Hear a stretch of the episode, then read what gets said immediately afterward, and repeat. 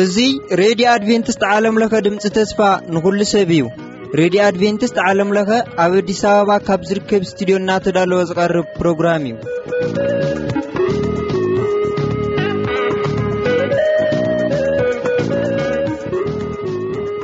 ሰላም ጥዕና ይሃበልና ዝኸበርኩም ሰማዕትና በብዘለኹም ዄንኩም ሮንዮና ረድዮ ኣድቨንትስ ንምድማጽ ልክዕ ኣብ ሰዓትኩም ስለ ዝተረኸብኩም እግዚኣብሔር ይባርኩም እናበልና ቀጺሉ ዝቐርበልኩም መደብ መናእሰይ እዩ። ምሳና ጽንሑ ሰናይ ምክትታል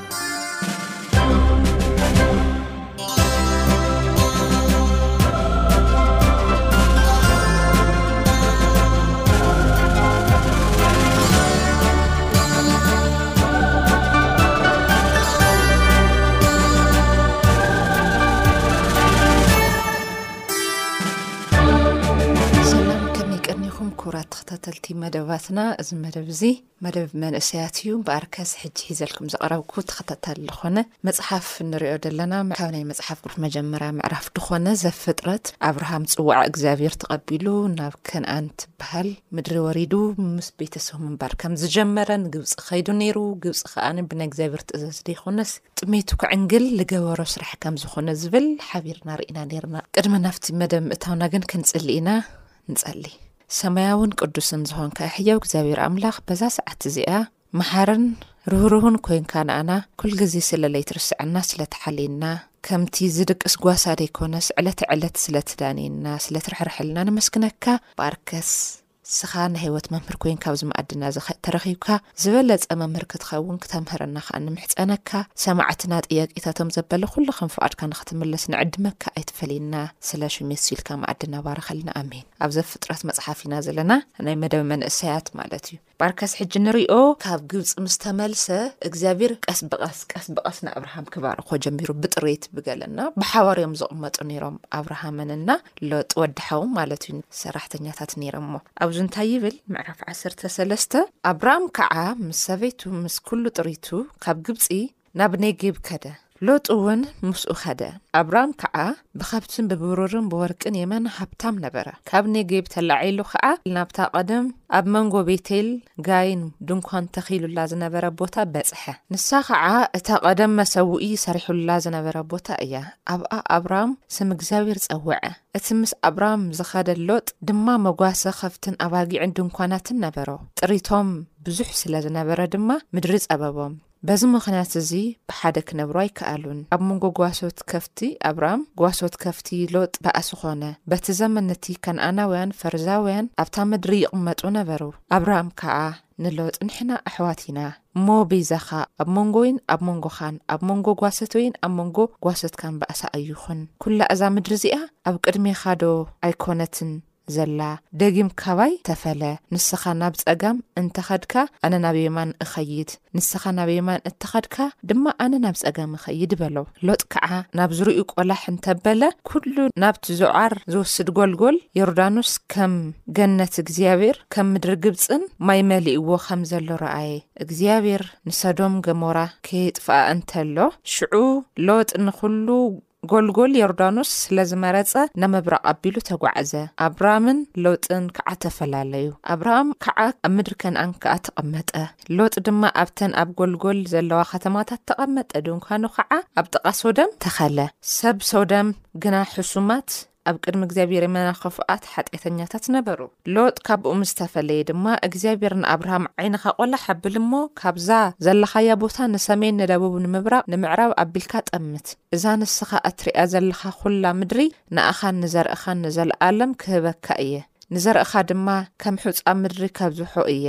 ሑጻ ምድሪ ክቆጽር ዝኽእል ሰብ እንተልዩ ዘርእኻ ውን ክቁጸር እዩ ተስእ እዛ ምድሪ ንኣኻ ክህበካ እየ እሞ ንውሓታን ግፍሓታን ኪዳ በሎ ኣብራም ድማ ድንኳኑ ኣልዒሉ ናብቲ ኬብሮን ዘሎ ዓበይቲ ኣእዋም መምሬ መጺኡ ተቀመጠ ኣብኡ ድማ ንእግዚኣብሔር መሰውእ ሰርሐ እቶም ጥሪቶም ምስ በዝሐ ባእሲ እዩ ተጀሚሩ ኣብ ከተማና ዝግበሩ ነገራት ብሓባር እንዳ ነብሩ ይጸንሑ ኣሕዋት ወይ ገለ ቤተሰብ ገለ ጥሪት ምስ ተፋረዩ ምስ ሃፍተሞ ገለ ግን ኣብ መንጎኦም ልኾነ ባእሲ ይፍጠር ኣብርሃም ቅኑዕ ሰብ ነይሩ ይብል ባይዘወ ኣብ መንጎይን ኣብ መንጎኻን ትዚ ባእሲ እዚ ኣድላይ ኣይኮነይ እታ ንእሽተይ ትበሃል ጽልኢ ከኣኒ ሃገር ተግፍሕ። ከምዚ እንተ ደኣ ኮይና ምድሪ እውን ክትክእለና ስለይከኣለት እቲ ዘለናዮ ቦታ በል ንስኻ ላብ ጸጋም ተቢልካ ኣነ ንየማን ንስኻ ናብ የማን ተቢልካ ከኣ ንጸገም የብለይ ኣነ ንጸጋም ከብል እየ መጀመርያስ ንስኻ ምረጽ ኢልዎ ብጣዕሚ ቅኑዕ ነይሩ ኣነ ክመርጽስ የበሎይ ሽዑ ተግይሩ እግዚኣብሔር እውን ብመንፈስ ይመርሖ ነይሩ እዩ ድብል ኣቐዲሙስ ንሎጥ ንክህቦ ንክመርፅ እዩ ዕድል ህይዎ እግዚኣብሔር እውን ሎጥ እንታይ ነይሩ ይብል ስግብግብ ሰብ ነይሩ ናይ ስግብግብ ምዃኑ ውፅኢት ከዓ ንቀፅልና ንሪኦ ኢና ኣቐዲሙ ስታይ ርዩ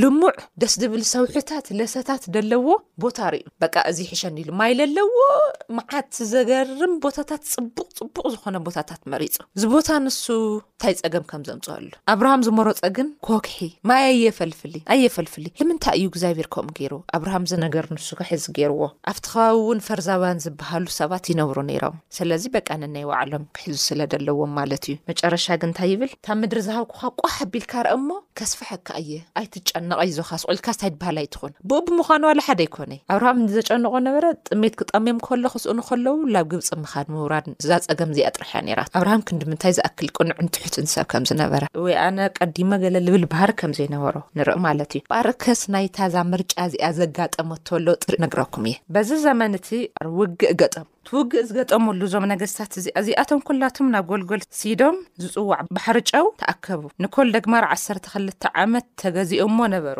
ኣብ መበል ዓሰርተ ሰለስተ ዓመት ድማ ዓመጽ፣ ኣብ መበል ዓሰርተ ኣርባዕተ ዓመት ድማ ኮልደግማር እቶም ምስኡ ዝነብሩ ነገስታት ሓቢሮም መጺኦም ሽዑ ንጉስ ሶዶም፣ ሓሙሽተ ነገስታት ክዋግኡ ኣብ ጎልጎል ሴዶም ነገስታት ሶዶም ገሞራ ክሃድሙ እንተለዉ ኸዓ ኣብኡ ወደቑ። እቶም ዝተረፉ ነገስታት ድማ ናብቲ ጎቦታት ሃደሙ። እቶም ኣርባዕተ ነገስታት ከዓ ናብ ሶዶም ጎመራ ኩሉ ገንዘብ ኩሉ ዝብላዕ ዘሚቶም ከዱ። ሎጥ ወዲ ሓው ንኣብርሃም ድማ ኣብ ሰዶም ይነብር ስለ ዝነበረ ምስ ጥሪቱ ማሪኾም ወሰድዎ። ካብኡ ዘምለጠ ሓደ ሰብ ናብቲ ዕብራዊ ኣብራም መጺኡ እቲ ዝዀነ ነገር ነገሮ። ኣብራም ድማ ኣብቲ ዓበይቲ ኣእዋም መምሬ እቲ ኣሞራዊ ሓው ኤሽኮል ሓው ኣውናን ይቅመጥ ነበረ። ንሳቶም ከኣ ምስ ኣብራም ኪዳን ተኣታትዮም ነበሩ። ኣብራም ድማ ሓው ከም ዝተማረኸ ምስ ሰምዐ ሰለስተ ሚእቲ ዓሰርተ ሸሞንተ ኣብ ገዝኡ ዝተወልዱ ፍቱዋት ሰባት ኣዕጢቑ ክስካዕ ዳን ደድሕሪኣቶም ሰዓበ። ንሱ ኣገልገልቱን ተመቓቒሎም ከኣ ብለይቲ ወቕዕዎም። ክስካዕ ሆባ ሰሜን ደማስቆ ድማ ኣሳጎጉዎም። ነቲ ኩሉ ጥሪቱ ከኣ ኣምለሶ።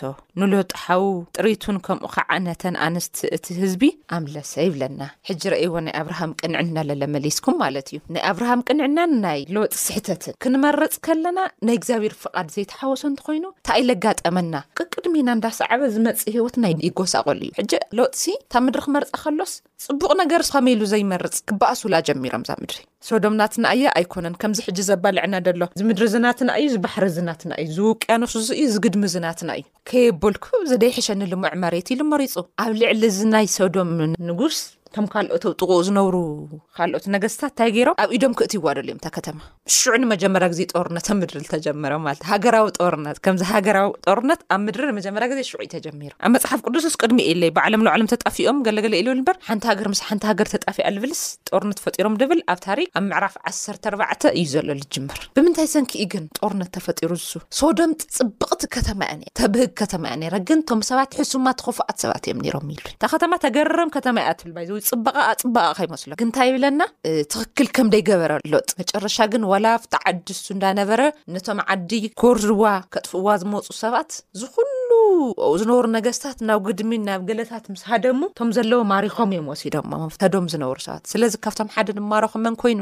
ሎጥ ኮይኑ ስለዚ እዚ ዝሰምዐ ኣብርሃም ሓውያ ተኣሲሩ እዩ። ኣብ ጥቓ ከነኣን ዝነብሩ ነገስታት ኪዳን ምስ ኣብርሃም ተኣታትዮም እዮም ነይሮም። ድንበሮም ከይፈራረሱ፣ ከይነኻኽኡ፣ ልኾነ ነገር ተተፈጢሩ ከይጎዳድኡ። ካብኡ ግን እንታይ ገይሮም? ርእይዎ ንሓውለ ከምዚ ገይሮሞ ኣፍሪሶምሉ ኪዳን። ከይዱ ታግቢሩ ይብል ምስቶም ናይ ባዕሉ ሰራሕተኛታት፣ ኣብኡፍቲ ገዛ ንሱ ዝተወለዱ፣ ዝተዋለዱ ድ ዘዐወዮም ቆልዑት ሰለስተ ሚእቲ ምናምን ዝኣይክሉ ሰራዊት ሒዙ ኮይዱ ብለይቲ ከም ዘምለሰ ይነግረና ንሓው የምሊስዎ ተረዲእዎ ዶ ይተረድኦ ሎጥ ሎጥ ጥራሕ ይድፈልጦ ግን ትኽክል ከም ደይኮነ ተሰራርሑ ስለምንታይ እዚ ከምዚ ዓይነት ቦታ ክንመርፅ ከለና ንምንባር ክንመርፅ ከለና ዓይንና ዘብህግ ደይኮነስ ንዓይና ተብህጋ ይኮነት ዩ ሄዋ ነጥፊኣት ርኢኹሞ ንዓይኑ ዘብህጎ ጥራሕ ሪኡ ምስ መረፀ እቲ ዝመርጾ ዘሎ ከተማ ልሙዕ እዩ ጽቡቅ ከተማ እዩ ግን በብጊዜ በብጊዜ እንዳመጸ እዛ ከተማ ዝደልይዋ ብዙሓት እዮም ጦርነት ምፍጣር ኣይቀሪ እና እንታይ ገይሩ ጌጋ ስራሕ ከም ዝሰረሐ ግን ኣብርሃም ስርሑ ይገደፈይ ሓው ከይዱ እቶም ኪዳኑ ዘፍረሱ ኣብ ጥቁ ከይዱ ከም ዝመለሶ ይነግረና ባርከስክ እንታይ ይብል መስለኩም ኣውዚ ኩሉ ጥሩይቲ እዩ መሊስሉ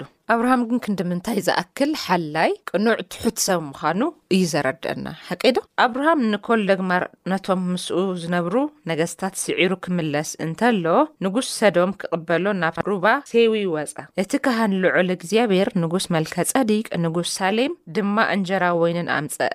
ንሱ ድማ ንኣብራም ሰማይን ምድርን ዝፈጠረ ልዑል እግዚኣብሔር ይባርኽካ፣ ኣሎካ። እቲ ንጸላኣትኻ ኣብ ኢድካ ኣሕሊፉ ዝሃበካ ልዑል እግዚኣብሄር ከኣ ብሩኽ ይኹን እናበለ ባረኾ። ኣብራም ድማ ካብ ኩለን ኣስራት ሃቦ። ንጉስ ሶዶም ከኣ ንኣብራም ነቶም ሰባት ሃበኒ፣ ነቲ ጥሪት ግና ንኣኻ ውሰዶ በሎ። ኣብራም ድማ ንንጉስ ሰዶም ናብ ስም እቲ ሰማይን ምድርን ዝፈጠረ ልዑል እግዚኣብሄር ኢደይ ኣልዒለ ኣሎኹ፣ ንኣብራም ኣነ ኣሀብተምክዎ፣ ከይትብልስ ፈትሊ ኮነ ስራሕ ኣስኣንካ ካብ ናትካ ሓንቲ እኳ ኣይወስድን። እንትርፊ እቶም ኣጉባዝ ዝበልዕዎ ንባዕለይ ሓንቲ እኳ ኣይወስድን እየ፣ እቶም ምሳይ ዝኸዱ ሰባት ኣውናንን ኤስኬሉን መምሬን ግና ግደኦም ይውሰዱ በሎ። ሽዑ ታይ ይብለና? ለምሳሌ ጦርነት ኣሸኒፍካ ምስ ተመለስካ ኣብቲ ሽዑ ሰዓት ኣብርሃም ካብቲ ሒዝዎ ዝመጸ እግዚኣብሄር ጽቡቕ ገይሩለይ። መልከ ጸዲቅ እውን ይዛረቦ ነይሩ። እቲ ልዑል ልኾነ እግዚኣብሔር ኣምላኽ ከተሸንፍ ኣብ ቅድሚ ነገስታት ምርኮ ክትማርኽ ዝፈቐደልካ ኣምላኽስ ብጣዕሚ የመስግኖ ኢሉ ምስ ኣመስገኖ ናይ ምስጋንኡ ከዓኒ ኣስራት ይኸፍል ነይሩ ከም ዝሃበ ይነግረና። እዚ እንታይ እዩ ማለት እዩ? ልኾነ ነገር ምስ ተገበረልካ ትህቦ ነገር ኣሎ ምስጋና። የቐንይለይ ሓቀይ እኳ ትብልኒ ሰብ ሓቀይ ልእግዚኣብሔር እውን ዓወት ስለ ልሃብካኒ ዓወተይ ውፅኢት ምርኮ ይሄው መሊሰልካ ምርኮይ ስለ ልመለስካለይ ኣነ እውን ይኸፍለልካ ኢሉ ከም ዝኸፈሎ ይነግረና ማለት እዩ ኣስራት ከም ዝሃቦ ምኽንያቱ ኣብ ህይወት መሊስዎ እዩ። ስለዚ እዚ ነገር እዚ መልሲ ከም ዝረኸበ ይነግረና ማለት እዩ። ቅጽል ኢልና ከኣ እንታይ ንብል? ንመጀመርያ ግዜ ቃል ኪዳን ክተኣታተዎ ከሎ ምስ ኣብርሃም፣ ውጻእ ምሳኻ ክኸውን እየ እዩ ነይሩ። ሕጂ ግን ቃል ኪዳን ይኣቱ እዩ ዘሎ። ለይትፈርስ ጽንዕቲ ዝኾነት ኪዳን ማለት እዩ። ብድሕሪ እዚ ናብ ገዝኡ ምስ ተመልሱ ክክ ጥሪቶም ኣብርሃም ናብ ዝደለዮ ሎጥ ከኣ ናብ ዝደለዮ ቦታ ናብ ሶዶም መሊስዎ። ለለኩም ምስ ተመልሰ ካብቲ ጦርነት ናብ ኣብርሃም ናብቲ ጥዑይ ቦታ ክመርጽ ስተይተበለ በቃ ናብታ ናይ መጀመርያ ምርጭኡ ከይዱ ናብ ሶዶም። ድሕሪ ግዜታት ለለ ለጋጠሞ ክንርእይ ኢና።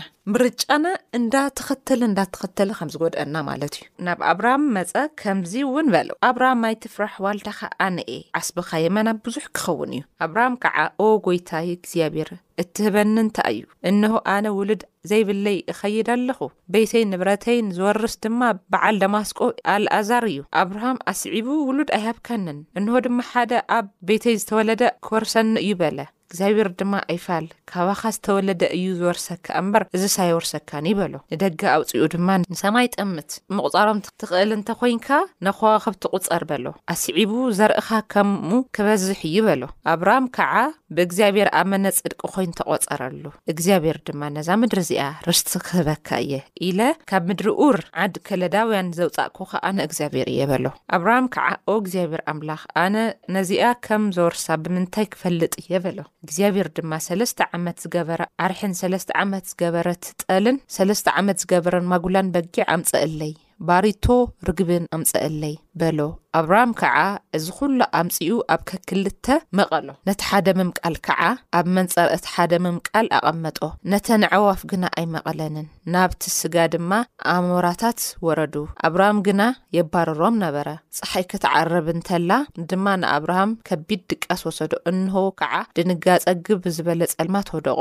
ሽዑ እግዚኣብሄር ንኣብራም፣ ዘርእኻ ኣብ ዘይዓዶም ስደተኛታት ኮይኖም ከም ዝነብሩ፣ ሽዑ ንኣብርሃም ዘርእኻ ኣብ ዘይዓዶም ስደተኛታት ኮይኖም ከም ዝነብሩ ንኣርባዕተ ሚእቲ ዓመት ባሮት ገይሮም ከም ዘጨንቕዎም ብርግጽ ፍለጥ። ነቶም ዝገዝእዎም ህዝቢ ግና ኣነ ክፈርዶም እየ። ብድሕሪኡ ብዙሕ ጥሪት ሒዞም ክወጹ እዮም። ንስኻ ግና ብሰላም ናብ ኣቦታትካ ክትኸይድ ኢኻ፣ ብጽቡቕ እርጋን ድማ ክትቕበር ኢኻ። ጽዋዕ! ዓመጽ ኣእሞራውያን ግን ኣይመልእን እዩ እሞ ንዘርእኻ ኣብ ራብዓይ ትውልዲ ናብዚ ክመልሶ እየ በሎ። ጸሓይ ምስ ዓረበት ግብ ዝበለ ጸልማት ምስ ኮነ ከኣ እንሆ ዝተክኽ እቶን ሃልሃል ዝብል ሓዊ ኣብ መንጎ እቲ ዝተመቐለ ሓለፈ። በታ መዓልቲ እቲኣ ከኣ እግዚኣብሄር ምስ ኣብርሃም እዛ ምድሪ እዚኣ ካብ ሩባ ግብጺ ክስካዕ ሩባ ኤፍራጥስ ምድሪ ቄናውያንና ቄንዛውያንን ቀድሞናውያንን፣ ኬጣውያንን ፈርዛውያንን ራፋይምን ኣሞራውያንን ከንኣናውያንን ጌርጌሳውያንን እያቡሳውያን ንዘርእካ ክህቦ እየ ኢለ ኪዳን ኣተወ። እንታይ'ዩ ኪዳን ኣትዩ? ንስኻስ ከመይ ከም ተብዝሓኒ፣ እዛ ኣብዚ ኾዅሒ ምድርስ ዘርእይ ከም ተብዝሕልስ ብምንታይ እየ ክኣምነካ? ኣብርሃም ቅኑዕን ትሑትን ልቢ ነይርዎ፣ ግን ጠያቒ'ውን ነይሩ። ብኸመይ ክፈልጥ? ኢልዎ፣ ኣብዚ ዘርእ እዚ። ኣብቲ ንኣኻ ተስፋ ኣይገበረሉን ትብሎ ዘለኻ ምድሪ ካባኻ ዝወጽእ ዘርኢ ኣብ ከምዚ ቦታ ከይዱ ክግዛእ እዩ ክሳቀ እዩ ድሕሪ ራብዓይ ትውልዲ ግን ናብዚ ምድሪ እዚ ተመሊሱ እንታይ ክኸውን እዩ ዘርእኻ ከም ምድሪ ሓሸዋ ክባዛሕ እዩ ኢልዎ ናይ ኣጋ ምሸት ሞት ዝቐረበ መስዋእቲ ኣሽቲቱ ኪዳን ኣሲሩሉ ሽዑ ይብለና ኣጽኒዕዎ ካብዛ ሰዓት እዚኣ ጀሚራ ንስኻ ዘርእኻ ብናትካ ሽም እቲ ምድሪ ክጽዋዕ እዩ። ኣንሕና ለውን ብመንፈስ ኣምላኽ በቲ ናይ እግዚኣብሔር መንገዲ ክንኸይድ ከለና ደቂ ኣብርሃም ተባሂልና ንጽዋዕ ማለት እዩ። ምክንያቱ ንሱ ታዋይ ነይሩ ኢለኩም እየ፣ ኣይሁዳዊ ነይሩ ኣይብሊ። ኡር ከለዳዊ ኣቡኡ ጣኦት ሰራሒ፣ ንሱ እውን ጣኦት ተኸታሊ ነይሩ ግን እግዚኣብሔር ዝጸውዐ ጽውዓ እግዚኣብሔር ተኸቲሉ ብእምነት ተጓዒዙ ብምእማኑ ጥራሕ ጽድቂ ተቖጺርሉ እግዚኣብሔር ግን ምእማኑ ጥራሕ ሱቕ ኢሉ ኣይረኦየ ድሕሪ ክንዲ ዓመት እግዚኣብሔር ምስ ኣብርሃም ኪዳን ክተኣታቶ ፍቓደኛ ኮይኑ ኪዳኑ ጽኒዑ ፈጺምሉ ናይ ኣብርሃም ምርጫ ዋላ ደኣ ክረአ ከሎ ጥዑይ ኣይኹን ግን መከራ እንዳጋጠመካ እንዳሓለፍካ ንዝዓበየ ኣጀንዳ ከም ዝኾነ ሓው ልገበሮ ምርጫ ግን ትኽክል ከም ለይነበረ ስለ ዘንሕና ለውን እዚ ኣብ ልኾነ መደብ ውድዓዊ ሓቂ ተስታውስ ትኾይንኩም ነርኩም ቀሪቡ ነይሩ ቀደም ቅድሚ ሓደ ዓመት ማለት እዩ ምድሪ ክመርጹ ከለዉ ኣቦታት ናብ ልኾነ ከተማ ክነብሩ ከለዉ ብስነ ስርዓት ክመርጹ ኣለዎም ስለምንታይ ታስኻ ትነብራ ደለኻ ከተማስ ካልኦት ሰባት ክብህጉላ ኣይክሉ እዮም ስለዚ ጦርነት ክትፈጥር ትኽእል ኢኻ እዛ ዝመረጽካያ ከተማ። ሎጥ እኮ ይብለና እዩ ሓው እዛ ከተማ ልነብራላ እኮ ልኾነ ግዜ ብሓዊ ተቃጺላ እያ ካብቲ ከተማ ንኽወጽእ ከኣነ በዓሉ ኣብርሃም ንእግዚኣብሄር ጠሪዕሉ። ባይዘወይ ናይ ኣብርሃም መንነት ደስ ልብለካ ኣብ ጥቁኡ ንዘለው ውን ሰላም ፈጢሩ ዝነብር ሰብ እዩ ኪዳን ይተኣታተው እንተፍሪሶም ግን በታ ኪዳን እዩ ልጥይቆ ንእግዚኣብሄር ለኮ ብኪዳን ይጠይቅዎ ኣነስኻስ ከምትገብረለይስ ታይ መረጋገጺ ክሕዝ ኢልዎ ምስቶም ኣብ ጥቁኡ ዝነብሩ ሰባት ውን ንሎጥ ከይጎድእዎ ኪዳን ኣትዩ ነይሩ ስለዚ ታይ ተጠቂሙ እታ ኪዳን ሒዙ እዩ እዛ መንገዲ ክወፅእ ጀሚሩ ማለት እዩ ታይ ኢና ክንገብር ዘለና ንሕና ምርጫና ክነስተካክሎ ክንክእል ኣለና ምርጫና እንድሕር ተዘይስተካኪልና ትክክል ከምደይኮነ ከም ናይ መን ዕድል ክትበፅሐና እያ ከምዚ ሕጂ ኣብ ሃገርና ዘጋጥም ደሎ መሬትካ ብሂጎም ይመፁ ንጦርነት ትስለፍ መከራ ብመከራ ትኸውን ማለት እዩ ባርከስ እዝን ወዲ እዝን ከይንኸውን ግን ተክንኸውን ኣለና ሸውሃትና እንዳስተኻኸልና እግዚኣብሔር ዝፈቐዶ ነገር እንዳገበርና ማለት ምርጫና ክንፈልጥ ክንኽእል ኣለና ትኽክል ተደይ ኮይኑ ክንጠፍእ ኢና ኣካይዳና ማለት እዩ ስለዚ ቅድሚት ግን እግዚኣብሔር ክመርፀልና ኢና ዕድል ክንህብደ ኣለና ንኣብርሃምሲ እግዚኣብሔር ይሕግዞ ነይሩ እሱ ንክመርፅ ሃቦ ሽዑ ፀገም የብሉ ስኻ ግን ዛ ከተማ ዘኢኻ ትመርጻ ኢልዎ እዩ ምክንያቱ ብዙሓት ሰባት ብዙሓት ነገስታት ዝንዕቕዋ ዝነብሩ ከተማ እዮም ጥቕሚ የብላይ ብዚ መንገዲ እዚ ከም ደለዎም እዩ ዝነግረና ኣብዚ ቃል እዚ ማለት እዩ ብኣርከስ ብጣዕሚ ነመስግነኩም ፅን ኢልኩም እዚ ቃል እዚ ስለ ዝሰማዕኹምና ዝነበረና ፃኒሒት እዚ ይመስል ጥያቄን ሓሳብን ብዝህልይኩም ብልሙድ ስልኪ ቁፅርና ባዶ 989 77 45 9 ብምባል ብፖስታ ሳጽን ቁጽሪ ከኣ ሚእትን ኣርባዓን ሓሙሽተን ኣዲስ ኣበባ ኢልኩም ጥያቄኹምን ሓሳብኩምን ክትገልጹልና ትኸእሉ ኢኹም። ስራሕኩም ገዲፍኩም መደባትና ትከታተሉ ንዝጸናሕኩም ኩላኻትኩም እግዚኣብሔር ኣዝዩ ይባርኽኩም። ሰናይ ቅነ።